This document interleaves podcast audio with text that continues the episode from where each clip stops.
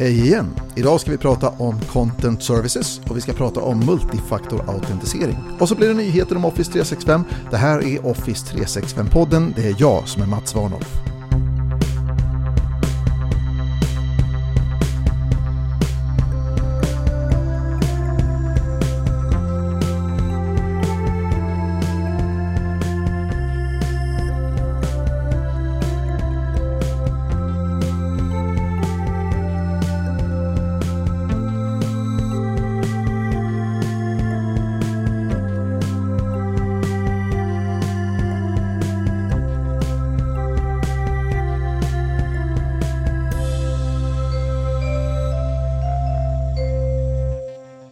Producerar mer och mer information. I takt med att vi har tillgång till mer data så omvandlar vi den till mer kunskap och ytterligare mer information. Och där informationen tidigare var mer allmän så är dagens information mer nischad och knuten till en speciell användarroll. Informationen är också väldigt anpassad för uppgiften. Vi skapar som sagt mer och mer information och vi gör det mycket snabbare än tidigare. Och takten med vilken vi skapar information är ökande. Och det här gör att det blir ju mer och mer relevant för oss att bygga strukturer för att göra kunskapen eller informationen mer lättillgänglig. Särskilt när informationen har så kort livslängd. Idag är det inte okej okay längre att lagra viktig information i vanliga file shares. Uppgiften att hantera den här typen av information har brukat kallas för ECM eller Enterprise Content Management. Med ECM så har man traditionellt hanterat uppgiften med hjälp av Records Management eller Business Records. Jag vet inte vad den svenska termen är riktigt men det är ju information som ska användas som ett bevis på att någonting har inträffat i ett bolag. Det kan vara en, ett kontrakt eller ett beslut eller ett avtal. En slags officiell handling för företaget. Och för inte så vansinnigt länge sedan så hanterar vi det här genom att skriva ut, arkivera och ha vidimerade kopior i permar. Information kan ju både vara strukturerad och ostrukturerad och med strukturerad information, det är, med det menar vi till exempel tabeller där vi liksom har tydliga kolumner och rader och sånt där. Eh, och ostrukturerad data, det är vad vi kallar eh, eh, Word-dokument med text i. När dokumenten blev digitala så fick vi ju en slags elektroniska arkiv där vi kunde hämta kopior av handlingarna och sånt där. Och det här var då ett system som passade ganska väl för det gamla sättet att hantera handlingar. Du vet, på den tiden när förändringstakten av information var lite mer hanterbar. Märk dock väl att vi fortfarande arkiverar pappershandlingar som förr i stora arkiv. Och frågan är väl hur stort inflödet av nya fysiska dokument är i de här arkiven. Eh, det fysiska arkivet ställer också nya ganska pressande krav, till exempel genom GDPR. Gallring av dokument kan vara en ganska tidskrävande uppgift. Det finns många system för digital ECM. De flesta är byggda efter gamla normer där vi skapar ett slags arkiv för handlingar som där blir oföränderliga. Vi kan ersätta handlingar med nya versioner men vi kan aldrig ändra i en handling utan den ligger kvar i arkivet. För ett par år sedan så sa analysföretaget Gartner att ECM is dead och menade att eh, den informationssilo som var hörnstenen inom traditionell ECM den är förlegad. Idag produceras informationen för snabbt och har så pass kort livslängd att den måste hanteras annorlunda.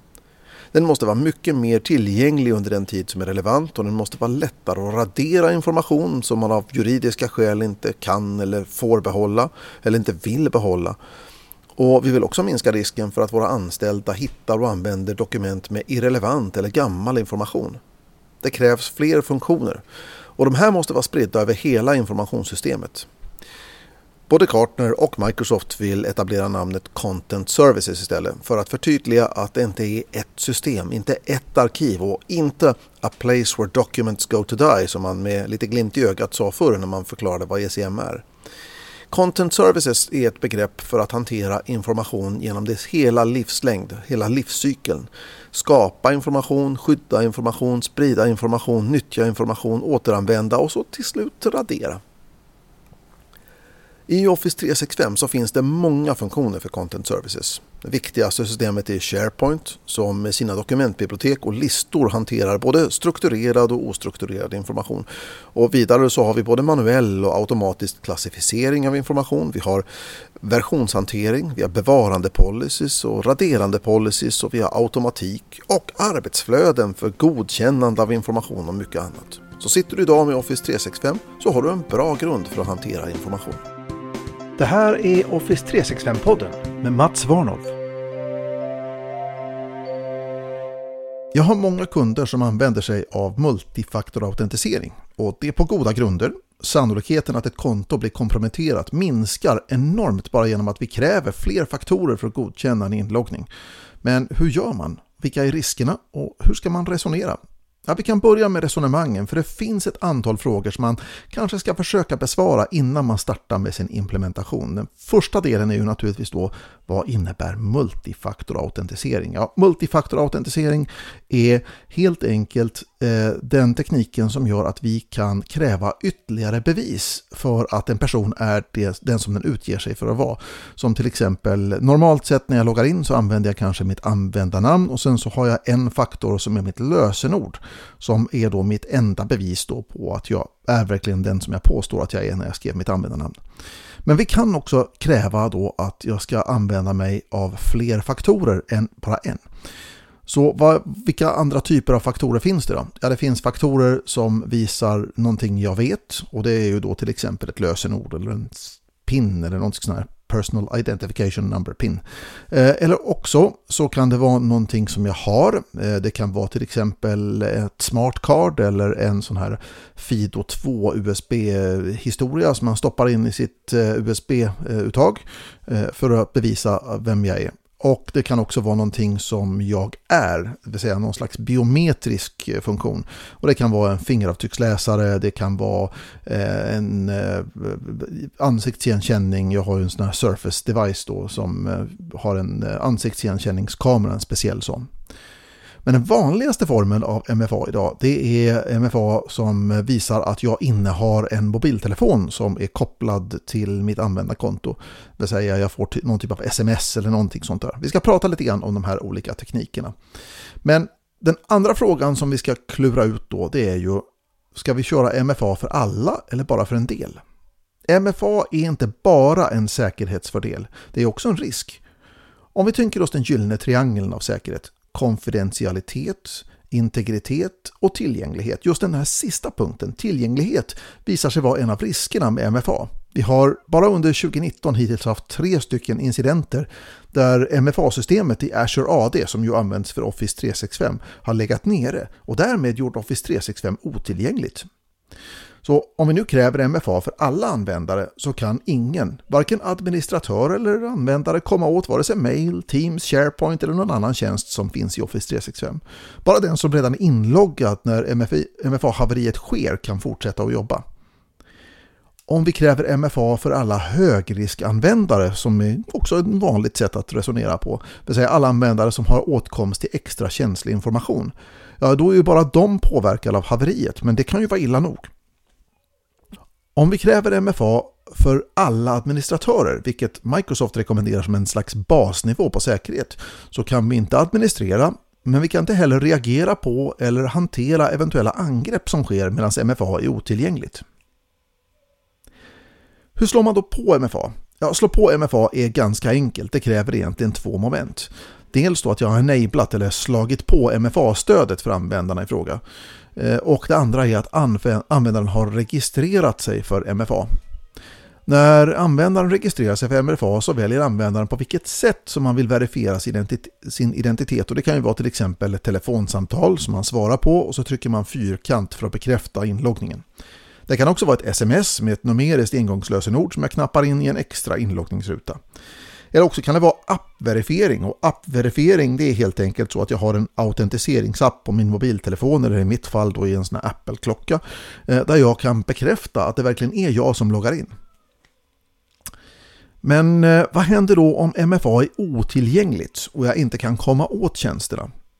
Om vi bara har en enda administratör som antingen redan är inloggad eller om jag har ett sånt här i nödfall krossa glaset adminkonto så kan jag naturligtvis disabla eller stänga av MFA för vissa eller alla användare. Men det innebär att registreringsinformationen försvinner och när jag slår på MFA igen, det vill säga när tjänsten kommer tillbaka, ja, då måste användaren registrera sig på nytt och på nytt välja då på vilket sätt som jag vill verifiera min identitet. Ska vi då ha MFA alltid eller bara ibland? Ja, för det finns ju faktiskt som ett val. Eh, multifaktorautentisering behöver ju inte vara i effekt alltid. Om vi skaffar licens för våra användare till tjänsten Azure AD P1 eller Premium 1 så kan vi ha villkorsstyrd MFA. Och just villkorsstyrd MFA är ganska praktiskt eftersom vi kan sätta regler för när vi ska kräva en extra faktor. Till exempel kan vi kräva en extra faktor så fort vi befinner oss utanför betrodda nätverk. Som till exempel om jag är på ett kundbesök eller om jag sitter på ett café eller så. Då kan jag kräva då den här extra faktorn.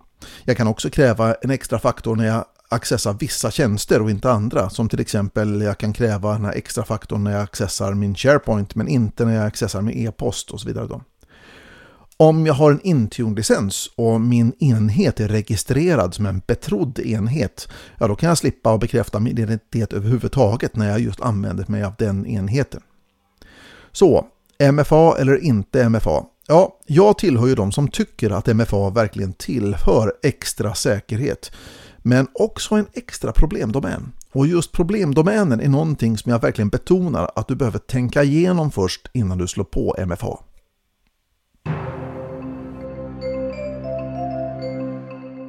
Och så var det dags för nyheter igen om Office 365 och det första handlar om att publikhanteringen för SharePoint-sidor nu rullar ut i allra flesta Office 365 tenants. Och vad innebär det då? Ja, det innebär att eh, jag kan välja vilken publik en sida eller nyhet i första hand ska visas för. Och det gör jag genom att eh, definiera då eh, dynamiska grupper eller säkerhetsgrupper eller Office 365-grupper då som en audience eller en publik för sidan. Eh, och det här är ju goda nyheter för dig som håller på med intranät. Det innebär helt enkelt att du just kan rikta nyheter till olika användargrupper på relativt enkelt sätt. Men det innebär också naturligtvis då att du som är intranätredaktör kanske nu också börjar ställa krav på vilka grupper som existerar. Du kan helt enkelt välja nu att skapa upp eh, grupper då för olika typer av publik och sådär. Och eh, en fantastisk möjlighet med det här är ju användningen av dynamiska grupper. Dynamiska grupper innebär helt enkelt att vi ställer ett antal antal krav. Som till exempel att en användare jobbar i, eh, på ett visst kontor eller i ett visst land eller har en viss verksamhet eller en viss roll eller någonting sånt där. Och så fort eh, alla de här parametrarna stämmer så kommer användaren automatiskt då tillhöra den här gruppen och tillhör jag gruppen, ja då kommer jag få se nyheten. Det här är däremot inte då någon slags säkerhetsavgränsning eh, därför att jag kan naturligtvis som användare söka efter att hitta vilka nyheter som helst som jag är behörig till. Och det här har ingenting med behörighet att göra utan har bara att göra med eh, vilken tänkt publik en viss nyhet har och så vidare. Och jag måste naturligtvis också nämna att om, det här, om du vill använda det här med dynamiska grupper så kräver det naturligtvis dyrare licenser också i Azure AD, en eh, sån P1-licens för alla användare som ska vara medlemmar i dynamiska grupper är vad som krävs.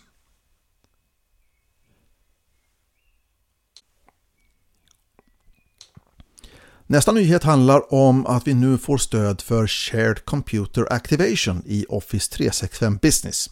Shared Computer Activation det är någonting som man använder sig av om man har till exempel terminalservrar, Citrix eller RDS och så vidare då, där många användare ska logga in i och använda sig av samma installation av Office. Eh, det här har tidigare krävt att alla användare som ska använda det då har haft då en sån här Enterprise-licens, en E3 eller E5 för att kunna utnyttja det. Men nu har man faktiskt släppt på det här så att nu räcker det med en Office 365 Business-licens och det här innebär naturligtvis att även små företag kan dra nytta av att använda sig just av terminalservrar eh, eller, eller Citrix-varianter.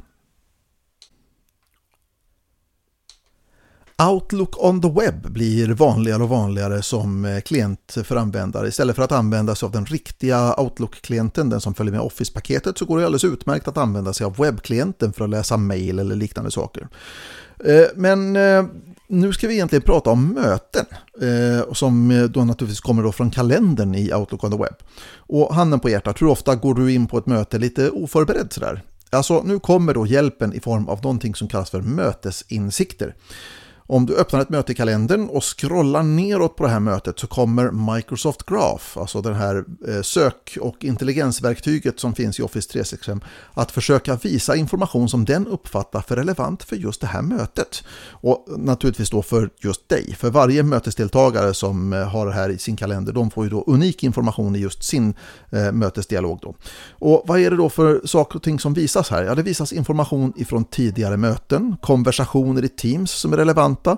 Eh, delade dokument, eh, mejlkonversationer, allting som Graf sitter och bevakar och, och tar i beaktande då och som Graf då klurar ut då att det här borde vara relevant för det här mötet. Ja, det kommer då naturligtvis att dyka upp då på ditt möteskort i kalendern. Så om du dubbelklickar på mötet i kalendern så, och scrollar neråt så kommer du få alla den här informationen då. Eh, och och naturligtvis så kommer resultatet av det här mötet som du nu ska in på att komma att beaktas inför nästa möte. Och det var den här episodens nyheter. Det här är Office 365-podden med Mats Warnolf.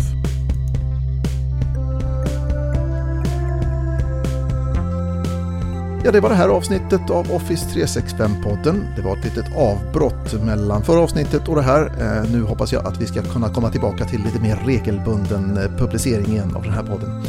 Eh, hoppas att du har glädje av innehållet i den här. Du får hemskt gärna lämna kommentarer och du får jättegärna prenumerera på podden naturligtvis. Eh, det är jag som är Mats Warnolf och det här har varit Office 365-podden.